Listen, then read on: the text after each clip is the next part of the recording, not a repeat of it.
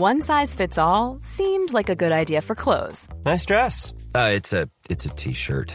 until you tried it on. Same goes for your healthcare. That's why United Healthcare offers a variety of flexible, budget friendly coverage for medical, vision, dental, and more. So, whether you're between jobs, coming off a parent's plan, or even missed open enrollment, you can find the plan that fits you best. Find out more about United Healthcare coverage at uh1.com. That's uh1.com. Everyone knows therapy is great for solving problems, but getting therapy has its own problems too, like finding the right therapist, fitting into their schedule, and of course, the cost. Well, BetterHelp can solve those problems. It's totally online and built around your schedule. It's surprisingly affordable too. Connect with a credentialed therapist by phone, video, or online chat, all from the comfort of your home. Visit betterhelp.com to learn more and save 10% on your first month. That's BetterHelp, H E L P. Burrow's furniture is built for the way you live.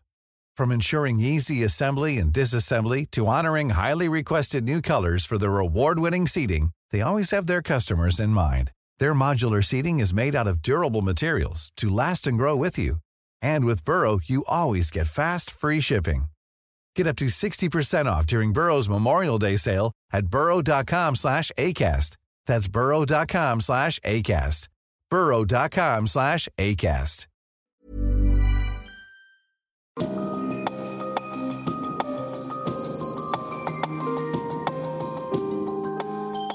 Du lytter til podkast fra Oslo Militære Samfunn. Besøk vår hjemmeside oslomildsamfunn.no, og se oss også på Facebook, Twitter og LinkedIn. Generaler, admiraler, kjære medlemmer, kjære gjester. Hjertelig velkommen til nok et møte i Oslo Militære Samfunn. Og apropos gjester, vi er så heldige å ha en del gjester her i dag som eh, ikke er medlemmer av OMS, men som veldig gjerne ville høre sjefen for Cyberforsvaret komme og eh, fortelle hva han hadde på hjertet i kveld. Men dette må ikke være medlem. Det, det, det er ikke så vanskelig å rette på. Du går, på nett, du går inn på nettsiden vår, og så bare finner du det stedet du skal da finne ut hvor du fører på fadders navn osv., og, så videre, og så går resten av seg selv elektronisk. Så hjertelig velkommen som medlemmer til de av dere som da oppdager hvor hyggelig vi har det her. Ok. Utviklingen av militær cybervirksomhet i lys av fagmilitært råd, det er tema for aftenens foredrag. Og cybertrusler i en eller annen form, det er jo i mediebildet hver eneste dag. Så sent som i morges på radioen var det et uh, innlegg om uh, folks uh, tillit til de som da måtte ringe og presentere seg som forsker og be om å få data og, og oppgitt sånn og sånn. Og omtrent en fjerdedel av de som ble kontaktet, de nølte ikke med å svare ærlig og fyldestgjørende hvis noen ba om å få opplysninger som selvfølgelig kan misbrukes i kriminell virksomhet. Men altså, teppet spenner jo ifra individer og tap av digital ID og opp til strategiske eh, tiltak av enorm potensiell skadeverdi. Hvor godt rustet er vi? Hva er situasjonen? Hvordan ser sjefen for Cyberforsvaret på utviklingen og status i dag? General, velkommen tilbake til oss. Talerstolen er din. Tusen takk. Ærede forsamling. Det er eh, to og et halvt år siden eh, jeg ble invitert eh, til å formidle status her i Oslo Militære Samfunn.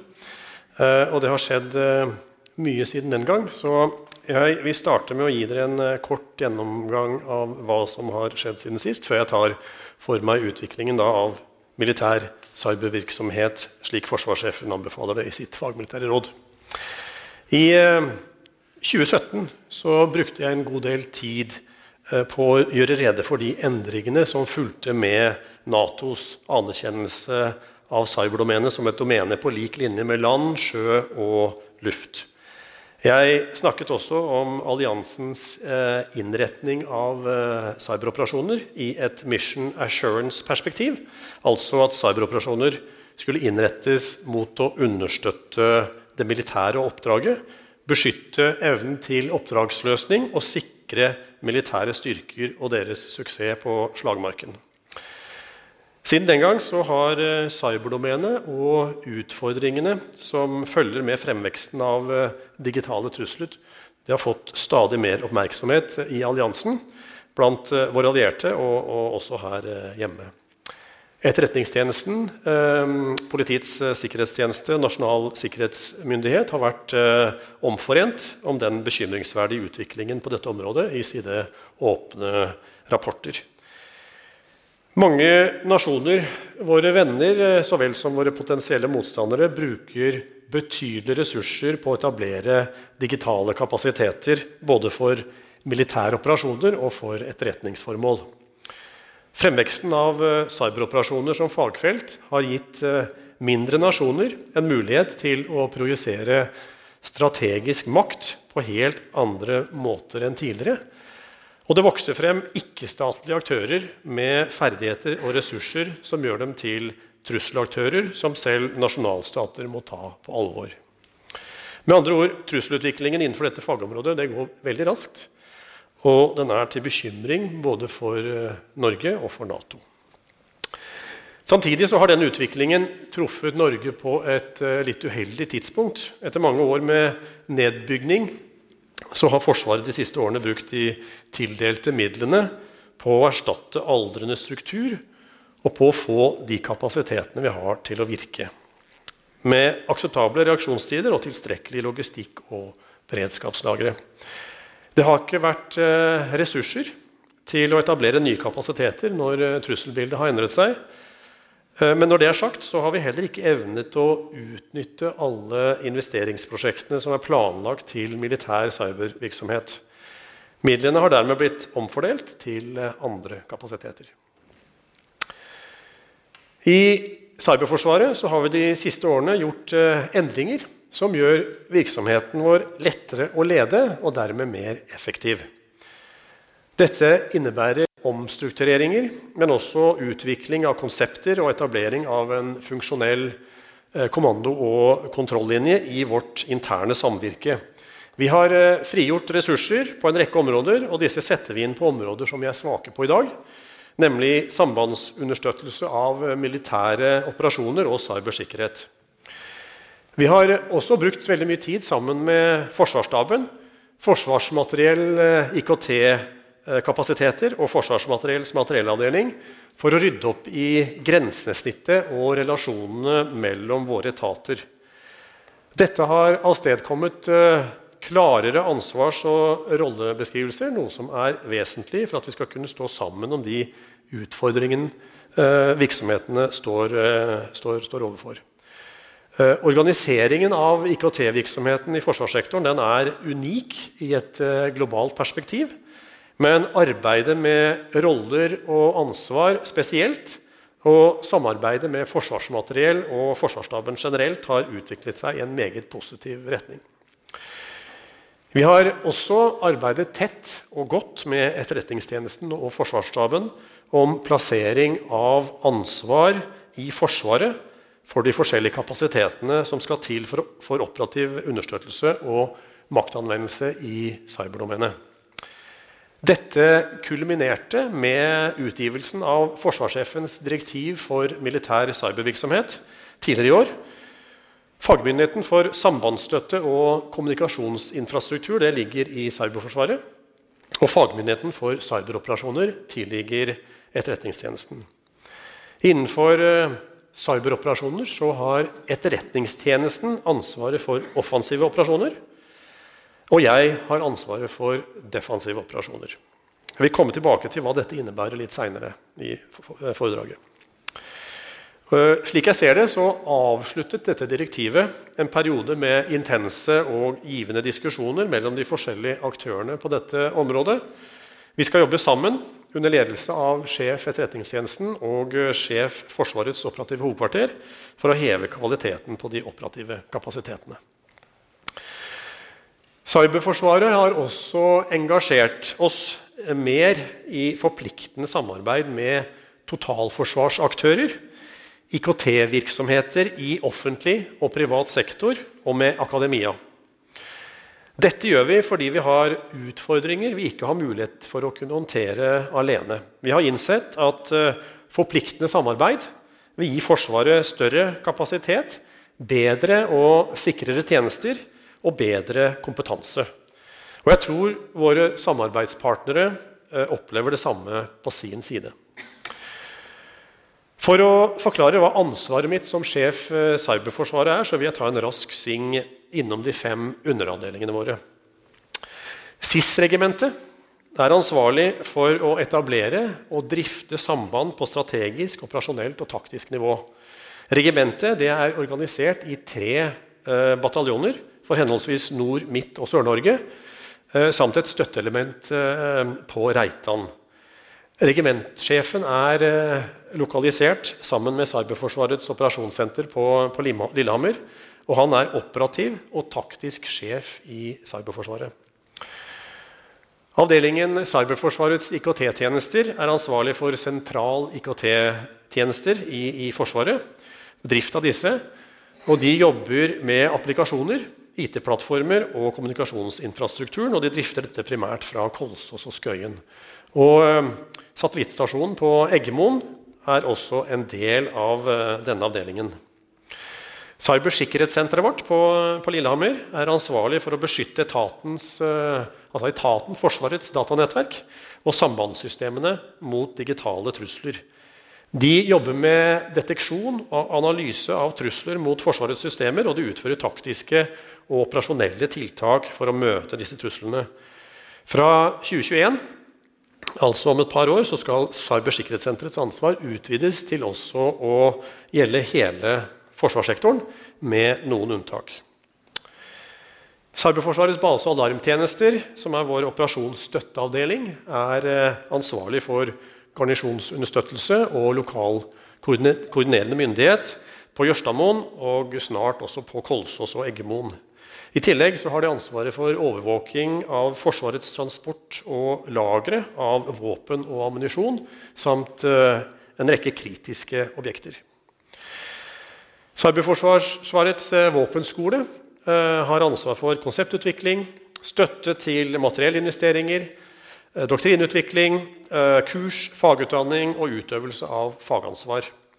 Våpenskolen har det meste av sitt personell på Lillehammer. I tillegg har Forsvarsstaben, som er en styringsstab uh, og en integrert del av funksjonen sjef Cyberforsvaret, ansvar knyttet til drift, til uh, økonomi, HR, sikkerhet og planlegging. Vi har om lag 1100 pluss 1150 fast ansatte. 100 soldater cirka, og litt over 20 lærlinger. Uh, I tillegg til en god del konsulenter som jobber for oss. Disse jobber på om lag 50 steder i, rundt omkring i landet, inkludert Jan Main. Eh, vi har et budsjett på ca. 1,8 milliarder og omsetter for ca. 2,1 milliarder. Nå skal ikke jeg gå mer i detalj på ansvar, oppgaver og tall innenfor denne virksomheten, men det gir dere da et overblikk håper jeg, over hvordan vi jobber for å levere bedre tjenester og dreie virksomheten vår gradvis mot et nytt og dynamisk trusselbilde og en mer kompleks operativ hverdag i Forsvaret. Jeg vil nå beskrive tre helt grunnleggende utviklingstrekk innenfor eh, mitt fagfelt som har hatt innvirkning på utformingen av eh, rådet som forsvarssjefen presenterte i forrige uke. Det ene er digitalisering. Det andre er behov for samarbeid med sivil industri. Og det tredje er trusselen og trusler, trusselaktører i det digitale rom. Digitaliseringen gir muligheter og utfordringer for militærmakten på lik linje med samfunnet som vi er en del av. Digitaliseringen av Forsvaret vil drives, drives frem av primært tre forhold. For det første vil innføringen av nye, moderne kapasiteter fordre en helt annen form for digital understøttelse. Og vil bringe inn nye muligheter som krever eller er avhengig av modernisering av resten av forsvarsstrukturen for å høste bred operativ gevinst. F-35 er et eksempel på en slik kapasitet med fantastiske sensorer og våpensystemer som i dag i begrenset grad kan benytte, utnyttes av andre enn pilotene i cockpit. Ved å utvikle muligheten for å dele og eh, benytte denne informasjonen i sanntid i andre deler av Forsvaret, så vi vil kunne oppnå større effekt av investeringene i kampflyene. Og Det samme gjelder innføring av alt fra nye undervannsbåter til P8 og eh, kampluftvern. For det andre så vil utviklingen føre til, et fellesoperativt, sam, at fellesoperativt samvirke det flyttes ned på stadig lavere nivåer i den operative strukturen. Det betyr at integrasjonen mellom land, sjø og luftstridskrefter også vil måtte digitaliseres på lavere nivåer for å sikre at de operative gevinstene kan høstes på, uh, på lavest mulig nivå. Det vil ikke være optimalt å avgrense disse mulighetene eller forsinke prosessene ved å kjøre integrasjonen mellom domenene på brigadenivå eller tilsvarende. Dersom vi får mest kampkraft ved å senke bindingene ned til bataljons- eh, eller kompaninivå, så er det der de også burde havne etter hvert. Det siste momentet som vil drive frem digitaliseringen av militærmakten, er utviklingen i samfunnet rundt oss. Sivil teknologi er i dag driveren for modernisering. Løsningen for Forsvaret i fremtiden vil ikke være å kjøre lange utviklingsløp som resulterer i nytt materiell etter fem til ti år. Da vil vi være utdatert før vi kommer i gang. Løsningen vil eh, i større grad være å ta sivil hyllevare i bruk, tilpasse den til militære formål og rulle den ut hurtig med robuste ende-til-ende krypteringsløsninger og andre sikkerhetsmekanismer. Eh, og det er noen eh, utfordringer her som treffer Forsvaret i, i dette utviklingsperspektivet. Vi har etablert et investeringsregime som fungerer godt for investeringer i det vi kaller militært kjernemateriell. Dersom vi skal anskaffe kampfly, stridsvogner eller artilleriskyts med en levetid på opptil 40 år, så er investeringsprosessen godt egnet til det. Den sikrer god kvalitet, ryddig ansvarsforhold og robust utredning av faktorer som virker inn på den endelige beslutningen. Men denne investeringsprosessen er lite egnet til å fremskaffe kapasiteter for vår virksomhet. Utfordringen med investeringer eh, innen teknologi og IKT er dels den eh, hurtige omløpstakten og den frekvensen som ny teknologi kommer ut på markedet med. Og dersom vi ikke klarer å eh, omstille oss og modernisere tjenestene raskere, så vil vi stagnere, og vi vil bli irrelevante. Vi må ta frem nye og utvikle eksisterende tjenester på en smidig måte.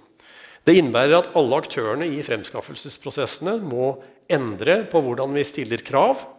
Vi må jobbe tettere sammen, og styringsstrukturen må endres noe som innebærer at alle involverte, inkludert sivil industri, må engasjere seg på nye måter når tjenester skal utvikles og produksjonssettes. Og vi må i større grad anskaffe nye kapasiteter gjennom tjenestekjøp fra sivil industri og ikke eh, materiellkjøp. Og Det bringer meg da over til behovet for samarbeid med sivil industri. Vi jobber nå godt sammen med Forsvarsmateriell for å inngå omfattende strategisk samarbeid med sivil industri for å modernisere organisasjonene våre og de grunnleggende IKT-tjenestene. Dette er ikke outsourcing, men et reelt og omfattende strategisk forpliktende samarbeid der vi utnytter teknologiledelsen og innovasjonstakten på sivil side og øker sikkerheten på tjenestene. Denne utviklingen mot strategisk samarbeid samt effekten av dette er lagt til grunn for det fagmilitære rådet. Det å inngå strategisk samarbeid det er en ganske så krevende prosess. Både fordi det har betydelig innvirkning på våre ansatte og på arbeidsoppgavene de løser i dag, men også fordi det er en helt ny måte å tenke på.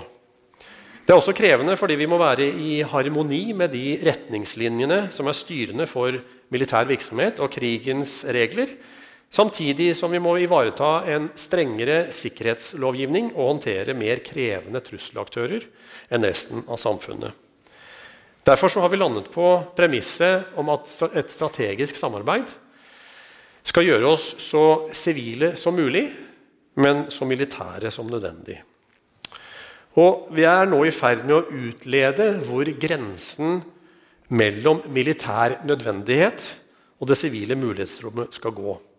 Begrepet kontroll i et strategisk samarbeid vil være et sentralt nøkkelord.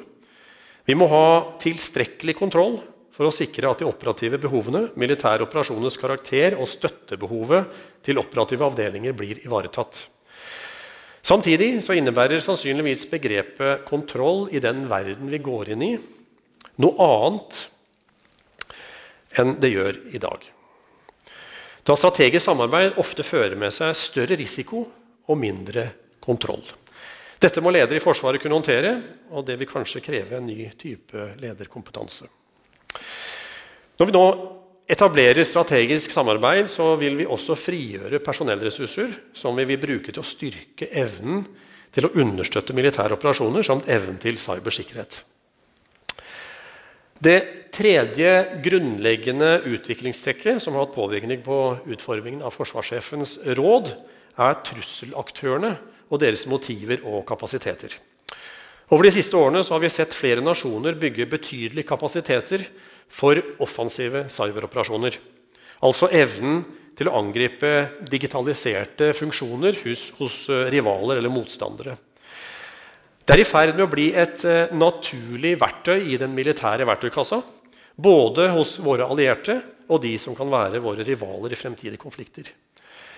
Cyberoperasjoner har åpnet for en ny angrepsvinkel mot samfunnskritiske funksjoner, både for statlige aktører, ikke-statlige aktører og enkeltpersoner. Sammenlignet med andre militære kapasiteter så er inngangskostnadene for å kunne gjennomføre cyberangrep lave. Og potensialet for gevinst og effekt det er betydelig. I bunn og grunn så trenger du kompetanse, en eh, god porsjon kreativitet og verktøy som du enten utvikler selv, eller som du kjøper på det lovlige eller ulovlige markedet. En eh, utfordring som preger cyberoperasjoner, er at det på mange måter er billigere å bygge en offensiv kapasitet enn en defensiv kapasitet. På offensiv side kan du komme langt med ett veldig godt cybervåpen, mens man på defensiv side må utvikle en god sikkerhetskultur, øh, jobbe godt med forebyggende sikkerhet i organisasjonen og investere stort i sikkerhetsmekanismer mot alle kjente og ukjente trusler. Denne type sikkerhetstiltak tar, tar lang tid å utvikle og er både kostbare og ressurskrevende. Mother's Day is around the corner. Find the perfect gift for the mom in your life with a stunning piece of jewelry from Blue Nile. From timeless pearls to dazzling gemstones, Blue Nile has something she'll adore. Need it fast? Most items can ship overnight. Plus, enjoy guaranteed free shipping and returns. Don't miss our special Mother's Day deals. Save big on the season's most beautiful trends. For a limited time, get up to 50% off by going to Bluenile.com. That's Bluenile.com. I'm Sandra, and I'm just the professional your small business was looking for. But you didn't hire me because you didn't use LinkedIn jobs. LinkedIn has professionals you can't find anywhere else, including those who aren't actively looking for a new job but might be open to the perfect role, like me. In a given month, over 70% of LinkedIn users don't visit other leading job sites. So if you're not looking on LinkedIn, you'll miss out on great candidates like Sandra. Start hiring professionals like a professional. Post your free job on linkedin.com/people today. Det at eh, mange militære organisasjoner har betydelig etterslep på, eh, på sikkerhetsarbeid og vedlikehold, det gir oss en mulighet til å høste operative fordeler ved selv å etablere en god evne til offensive cyberoperasjoner. Cybertrusler tar mange forskjellige former, og de defineres eh, normalt innenfor tre hovedkategorier. Kriminelle, eh, kriminelle miljøer, eh, hacktivister og statlige aktører. Kriminelle aktører er eh, hovedsakelig et anliggende for politiet, som all annen kriminell virksomhet. Like fullt så er det også kriminelle miljøer som er så store og har så omfattende evner at de kan utgjøre en statssikkerhetsutfordring. Enn så lenge så er de særdeles profesjonelle aktørene fortsatt et eh, unntak. Men det er en betydelig fremvekst av slike dyktige og organiserte miljøer. Når de først lykkes, så tjener de enorme summer.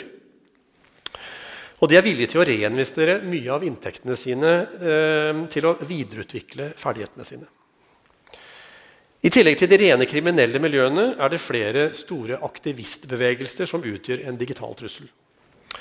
Dere kjenner kanskje til eh, gruppen Anonymous eh, fra noen år tilbake. En globalt omspennende organisasjon med til dels svært faglig dyktige aktører drevet av idealistiske motiver. Som følge av et høyt antall medlemmer og verktøyene de har tilgjengelig, så har slike hacktivistgrupper en evne til å gjøre mye skade. Og de har til tider engasjert seg og søkt å påvirke konflikter mellom stater eller interne forhold og konflikter i nasjonalstater. Den eh, tredje hovedkategorien er statlige aktører. og Det er de mest standhaftige og ressurssterke miljøene. Disse kan deles opp i etterretningsaktører og militære aktører. Og Etterretning i det digitale rom det har vært en vekstnæring de siste årene. De fleste nasjoner har fått øynene opp for muligheten til å utnytte den digitale teknologien som vi alle omfavner, til å samle betydelig informasjon. Cyberdomenet forholder seg ikke til eh, landegrenser, og tidsperspektivene man forholder seg til, er millisekunder. Det betyr at mye informasjon kan hentes uh, hurtig, og man kan samle inn store datamengder uten den risikoen som tradisjonelle etterretningsmetoder fører med seg. Etterretning i cyberdomenet er noe de aller fleste nasjoner eh, driver med. Også som følge av at man kan operere relativt anonymt og med en betydelig grad av fornektelse. De militære trusselaktørene søker først og fremst å ramme militære evner og verdikjeder. Verdikjedene inkluderer i økende grad sivile virksomheter. Noe som innebærer at også disse vil kunne bli ansett som legitime mål for en militær trusselaktør. Digitaliseringen av militærmakten og samfunnet for øvrig gjør oss bedre og mer effektive, men samtidig også mer sårbare for manipulasjon og cyberangrep. Militære cyberoperasjoner vil utvikle seg til å bli et virkemiddel i alle faser av militære operasjoner i nær fremtid, og en faktor i de fleste konflikter. Militære cyberoperasjoner handler altså om å ramme militære evner og verdikjeder hos en militær motstander. Men det handler like mye om å beskytte de samme evnene og verdikjedene for egne og allierte styrker. Militære organisasjoner skal ikke drive med kriminalitet eller aktivisme. Vi skal drive med maktanvendelse og strategisk defensiv, taktisk offensiv krigføring i et globalt domene i en militær kontekst. Alt i den hensikten å beskytte egen operativ evne og for å slå ut motstanderens. Eller for å si det mer militært evne til å skjerme egne styrker og operasjoner og evne til å ramme motstanderens kapasiteter. For Forsvaret så er det de statlige aktørene, etterretningsaktørene og de militære aktørene som utgjør den største og alvorligste trusselen, og som vil kunne påføre oss de verste konsekvensene. Så For å oppsummere det jeg snakket om så langt, så har Cyberforsvaret brukt de siste årene på å reorganisere virksomheten vår, utvikle og forbedre samarbeidet med sentrale partnere i og utenfor eh, forsvarssektoren, og tilpasse oss Forsvarets nye behov. I nær fremtid vil vi styrke de operative sambandsleveransene og de, den operative understøttelsen av resten av Forsvaret.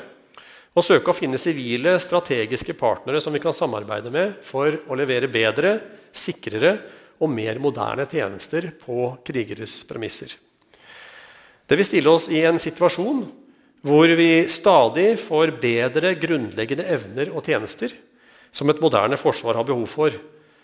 Det store problemet er likevel at den teknologiske utviklingen og trusselbildet har endret seg betydelig på kort tid. Og vi, vi, vil mangle kompetanse og ressurser for å kunne løse oppgavene tilfredsstillende. Så selv med de endringene som vi har gjort, og de vi er i ferd med å gjøre, så vil vi ikke være i stand til å understøtte Forsvarets operasjoner med tilstrekkelig sikre, robuste og redundante tjenester. Og vi vil heller ikke være i stand til å beskytte oss tilfredsstillende og opprettholde nødvendig handlefrihet i cyberdomenet. Og Det leder meg da over til utviklingen og styrkingen av den militære cybervirksomheten forsvars, eh, slik forsvarssjefen anbefaler i sitt eh, fagmilitære råd. Det fagmilitære rådet det bygger på en solid analyse av det sikkerhetspolitiske trusselbildet og anbefaler en betydelig styrking av hele Forsvaret. Anbefalingen gir oss muligheten til å forsvare nasjonens suverenitet og integritet i rammen av eh, Nato i alle domener. På land, i og under vann, eh, i, i luften og i cyberspace.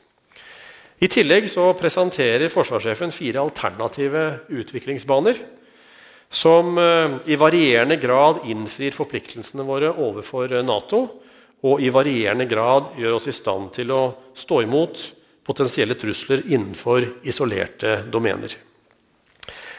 Men legg merke til at forsvarssjefen fremhever behovet for å styrke Forsvarets evne til å operere og sikre handlefrihet i cyberdomenet, uansett hvilket alternativ politikerne skulle velge.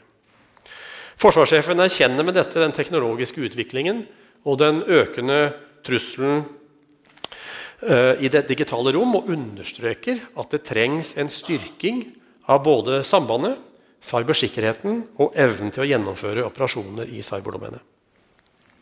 Jeg skal nå gå litt i dybden på hva denne styrkingen innebærer. Cyberforsvaret ble etablert for syv år siden, og Nato bekreftet eh, cyberdomenet som et operasjons- og krigføringsdomene for tre år siden. Forsvaret har kun i begrenset eh, grad evnet å ta dette innover oss. Og vår kapasitet til å beskytte oss og gjennomføre operasjoner i cyberdomenet den er marginal. Dette erkjenner forsvarssjefen i sitt råd. Han erkjenner også at evnen til å understøtte Forsvarets øvrige kapasiteter med robust og redundant samband, samt evnen disse kapasitetene har til å samhandle, den må bedres. Kommunikasjonsinfrastrukturen er kjernen i Forsvarets bruk av cyberdomenet. Dette er motorveiene som ivaretar informasjonsutveksling og dataflyt, og det fundamentet som mange av evnene til en moderne militær styrke bygger på. Evne til felles operativt samvirke, evne til samvirke på taktisk nivå, evne til presisjonsstyring av eh, våpen, evne til kommandokontroll, evne til å ta tidsriktige beslutninger, evne til navigasjon osv. Alt avhenger av en sikker og robust og redundant kommunikasjonsinfrastruktur. Våre operative sjefer må ha en planmessig forutsigbarhet for at disse sentrale funksjonene er tilgjengelige når de har behov for dem. Det betyr at vi må modernisere og øke kapasiteten, slik at kommunikasjonsinfrastrukturen fungerer selv om den blir utsatt for både kinetisk og logisk friksjon i krise og krig. Med en slik eh, kommunikasjonsinfrastruktur tilgjengelig er det neste steget å bringe frem tjenester og effekter til taktisk nivå og taktiske avdelinger. Ambisjonen er å sikre de taktiske sjefene våre størst mulig handlefrihet og geografisk fleksibilitet. Muligheten til å være kreativ og uforutsigbar i manøver og operasjonsmønster fordrer at sjefene på taktisk nivå ikke er bundet geografisk til den kommunikasjonsinfrastrukturen som de er avhengig av. Med, nye, med, med, disse nye teknologiske løsningene eh, og sambandsstøtte fra Cyberforsvaret til de taktiske avdelingene så sikrer vi fremføring av informasjon og data fra kommunikasjonsinfrastrukturen til land-, sjø- og luftavdelinger der de trenger det, og når de trenger det. Noen vil eh, kalle dette for forming av cyberlende til operative behov. Andre vil se det som ren fremføring av samband. Uansett så er det disse kapasitetene som direkte understøtter Forsvarets uh, avdelinger, og som skal følge Forsvarets avdelinger i manøver. Her trenger vi flere militært personell som har evne til egenbeskyttelse, og som kan operere i stridsmiljø uten å utgjøre en belastning for de avdelingene de skal understøtte. Så etablering, drift og vedlikehold av kommunikasjonsinfrastruktur og fremføring av samband i fred, krise og krig det er tradisjonelle oppgaver knyttet til en militær sambandsorganisasjon. Men, men den avhengigheten da, som Forsvaret har av digital understøttelse, har endret behovet for å beskytte og sikre denne understøttelsen. Det innebærer et behov for å styrke cybersikkerheten vår. Cyberforsvaret i dag har, har som tidligere sagt, en begrenset eh, evne til å detektere, analysere og håndtere dagens cybertrusler mot Forsvarets datanettverk. Og Forsvarssjefen anbefaler å styrke denne kapasiteten vesentlig. Og å bygge ut evnen til å drive defensive cyberoperasjoner. Forsvarssjefen prioriterer med dette en satsing som bringer Forsvaret nødvendig skritt mot en evne til å forholde seg til cyberdomenet som, som det det er, nemlig et nytt krigføringsdomene. Cyberforsvaret må etablere og styrke evnen til å drive defensive militære operasjoner i det digitale rom. Og vi må etablere en evne til å gjøre fullverdige taktiske tiltak for å opprettholde sikkerheten og integriteten til den understøttelsen som til enhver tid er kritisk for operasjonene til sjefen for Forsvarets operative hovedkvarter. Behovet for å forsvare det moderne forsvaret i det digitale rom blir altså ikke mindre med årene. Cybersikkerhetskapasiteter etterspørres også av våre allierte til internasjonale, internasjonale operasjoner. Og det er en forutsetning for eksempelvis å sikre alliert mottak i Norge. Det er et komplisert og, og, sammensatt fagområde. Og det er et fagområde som krever forståelse for militære fellesoperasjoner. Nettopp fordi det i bunn og grunn handler om militær styrkebeskyttelse og militær handlefrihet i en fellesoperativ ramme. En militær organisasjon vil alltid ha begrensede ressurser. Motstanderne våre vil søke å ramme oss der hvor vi gir dem størst operativ effekt. Og vi må forutsette at de stiller med mer ressurser og er mer ressurssterke på den digitale slagmarken enn det vi øh, gjør og er. Og vi må forutsette at de har rekognosert våre systemer i forkant og er like godt kjent med våre styrker og svakheter som det vi er. Det betyr at vi alltid, uansett konklusjonene i den nye langtidsplanen, må prioritere tiltak og gjøre taktiske og stridstekniske disponeringer til støtte for sjefen for vårt operasjonelle hovedkvarters til enhver tid gjeldende operative prioriteringer og tyngdepunkt. Forsvarssjefen presenterer i sitt fagmilitære råd en balanse hvor han styrker både den defensive kapasiteten som ligger til cyberforsvaret, den offensive kapasiteten som ligger i etterretningstjenesten, og evnen til å synkronisere cyberoperasjoner inn i fellesoperasjoner i Forsvarets operative hovedkvarter. Som tidligere nevnt så er det en direkte sammenheng mellom digitalisering, modernisering og en sårbarhet for cyberoperasjoner eller cyberangrep. Det betyr at motstandere Norge vil kunne stå overfor i fremtiden, vil være sårbare i cyberdomenet. Og denne sårbarheten gir oss en mulighet til å ramme våre motstandere på nye og uforutsigbare måter gjennom militære cyberoperasjoner. Og det er viktig å understreke at Når vi snakker om cyberoperasjoner, så snakker vi om maktbruk i et domene til støtte for operasjoner i andre domener. Altså fellesoperativt samvirke. Det er nok en stund til vi opplever at eh, konflikter utkjempes, vinnes eller tapes utelukkende i cyberdomenet. Men offensive cyberoperasjoner har potensial til å gi et overtak i alle de andre domenene, og dermed produsere effekter som kan legge til rette for seire avgrenset i tid og rom. Og Gjennom årenes løp har vi sett flere tilfeller av denne type operasjoner hvor en militær aktør har søkt å påvirke operativ evne, basisfunksjoner eller de operative verdikjedene til militære motstandere. En vil også kunne høste operative fordeler ved å rette angrep mot støttefunksjoner som den militære operasjonen er avhengig av. Et eksempel er den militære bruken av sivile havner til mottak av personell eller materiell. Dersom man evner å forstyrre funksjonaliteten til havneanlegget, så kan man forsinke og forstyrre styrkeoppbyggingen eller logistikken til en motstander. Med denne type virkemidler så kan en aktør rette angrep mot uh, myke mål og oppnå effekter som virker på taktisk og operasjonelt nivå, og sågar påvirke strategiske prosesser som troppeforflytning.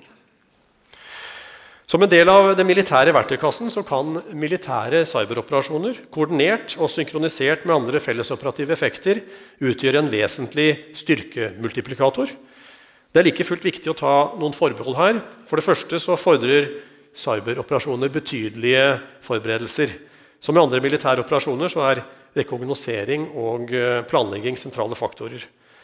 Det andre forholdet er at det er vanskelig å se for seg offensive cyberoperasjoner som gir langsiktige effekter. Det er vanskelig å kunne planlegge med effekter som varer lenger enn timer, i beste fall dager, før normal drift kan gjenopprettes. Like fullt så legger forsvarssjefens anbefaling om en styrking av Etterretningstjenestens evne til offensive cyberoperasjoner det legger grunnlaget for en betydelig støtte til alle operasjoner i krise og krig, og vil være en kapasitet som gjør oss bedre rustet til å vinne fremtidens konflikter og til å sikre og trygge både soldater og avdelinger i land-, sjø- og luftdomenet. Det handlingsrommet som eh, cyberoperasjoner legger til rette for, vil være viktig for Forsvarets operative sjefer i fremtiden. Det vil også, sammen med et forsvar i balanse, legge grunnlag for å følge de fremvoksende militærteoretiske utviklingstrekkene, eksempelvis multidomain battles-teori, som vi ser vokse frem blant våre allierte. Og et annet forhold som forsvarssjefen fremhever, det er at militær cybervirksomhet og cyberoperasjoner det er kompetansekrevende. Og det fordrer personell som er høyt etterspurt, både i militær og sivil sektor. Det er også verdt å understreke at dette er fagområder hvor Forsvaret har begrenset kompetanse i dag. Den oppbyggingen som forsvarssjefen anbefaler, vil kreve betydelig styrkeproduksjon, kompetanseheving og nye modeller for rekruttering. Dette vil innebære at vi må øke antallet utdanningsplasser på Cyberingeniørskolen ved Forsvarets høgskole og på teknikerutdanningen ved Cyberforsvarets våpenskole. Vi må også få cybermakt og cyberoperasjoner inn som fag på stabsskolen og grunnleggende cybersikkerhet må undervises på alle skolene våre. Ved å utnytte strategisk samarbeid med sivile utdanningsinstitusjoner eh, og med Nato så kan vi få til en slik satsing relativt raskt. Selv om IKT og cybersikkerhet er tekniske fag som krever både teknisk bredde og dybdekompetanse, så er cyberoperasjoner først og fremst en operasjonsdisiplin. Noe som krever at cyberpersonell har eller må få utviklet militær operasjonsforståelse. Dette kan med fordel gjøres i samarbeid med de taktiske styrkesjefene. For å få til en styrking av kompetansen i virksomheten så må vi rekruttere personell fra bredere lag av befolkningen. Eh, vi må bruke andre kriterier for å trekke til oss personell enn de vi tradisjonelt har brukt. Det er kanskje ikke så viktig at alt cyberpersonell skal kunne løpe 3000 meter på 15 minutter. Kanskje er mental utholdenhet, stresstoleranse og IT-teknisk innsikt viktigere. Et siste forhold knytta til vårt fagfelt som forsvarssjefen anbefaler styrket, det er kjernen i den militære cybervirksomheten, nemlig vår evne til å utnytte og ta i bruk ny teknologi. Kunstig intelligens, stordata, maskinlæring, dyp læring, eh, blokkjedeteknologi, kvantedatamaskiner, nanoteknologi, 5G osv. Dette er eksempler på slik teknologi. Dette er digitale teknologier i eksponentiell vekst som vi ikke i tilstrekkelig grad evner å utnytte i dag. Men det er også slik at vi i dag ikke kan vite hvilke muligheter teknologien gir oss i morgen. Usikkerheten er stor, og det er uhensiktsmessig å konkludere på hvilke løsninger vi skal implementere om fire, åtte eller tolv år. Derfor må vi bedrive en smidig tjenesteutvikling sammen med sivil industri, som jeg snakket om tidligere. Men vi må også ha ressurser tilgjengelig når de nye løsningene vokser frem. Og her anbefaler forsvarssjefen at det settes av betydelige midler på en egen budsjettpost som skal benyttes for dette formålet. På den måten kan vi legge forholdene til rette for at den militære cybervirksomheten kan få bli moderne og relevant i en usikker fremtid. Så La meg så avslutningsvis eh, trekke sammen trådene fra et eh, langt foredrag. Cyberdomenet ble erkjent av Nato i 2016. med de trusler og sårbarheter som ligger til grunn for den erkjennelsen. Siden Cyberforsvaret ble etablert i 2012, så har vi utviklet oss til å levere bedre og sette oss i stand til å løse de oppgavene forsvarssjefen gir oss nå og i fremtiden. Vi har brukt eh, mye tid sammen med IKT- og cyberaktørene i forsvarssektoren for å forbedre samarbeidet. Og jeg opplever nå at samhandlingen er konstruktiv og i positiv utvikling. Forsvarssjefens anbefaling i sitt fagmilitære råd er å styrke den militære cybervirksomheten uansett hvilket alternativ politikerne velger. I rådet trekker forsvarssjefen frem viktigheten av cyberdomenet og digitaliseringen av Forsvaret, både for det samvirket mellom kapasitetene som et lite forsvar er avhengig av, og også for å beskytte det moderne eh, forsvaret mot digitale trusler. Likeledes erkjenner forsvarssjefen det potensialet som ligger i å støtte Forsvarets fellesoperasjoner med offensiv cybermakt for å øke egen operativ evne og redusere den operative evnen til våre potensielle motstandere. Cyberoperasjoner krever en betydelig kompetanseøkning i Forsvarets organisasjon på alle nivåer for å øke den generelle cyberhygienen, for å øke forståelsen for cybermakt som fagområde og for å bemanne den nye strukturen. Videre så må vi evne å ta i bruk ny teknologi gjennom omfattende strategisk samarbeid med sivil industri og en smidig tjenesteutvikling. Dette er spennende utfordringer, og det er nødvendig dersom vi skal være et tilstrekkelig effektivt og moderne forsvar i fremtiden. Takk for oppmerksomheten.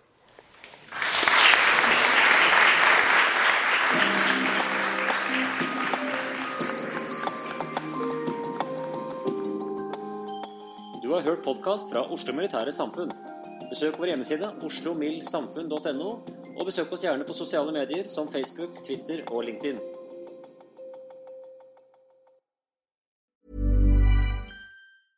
Mom deserves the best, and there's no better place to shop for Mother's Day than Whole Foods Market. They're your destination for unbeatable savings, from premium gifts to show-stopping flowers and irresistible desserts. Start by saving 33% with Prime on all body care and candles. Then get a 15-stem bunch of tulips for just $9.99 each with Prime. Round out Mom's menu with festive rosé, irresistible berry chantilly cake, and more special treats. Come celebrate Mother's Day at Whole Foods Market. Planning for your next trip? Elevate your travel style with Quince. Quince has all the jet setting essentials you'll want for your next getaway, like European linen, premium luggage options, buttery soft Italian leather bags, and so much more. And it's all priced at 50 to 80% less than similar brands. Plus, Quince only works with factories that use safe and ethical manufacturing practices. Pack your bags with high-quality essentials you'll be wearing for vacations to come with Quince. Go to quince.com slash trip for free shipping and 365-day returns.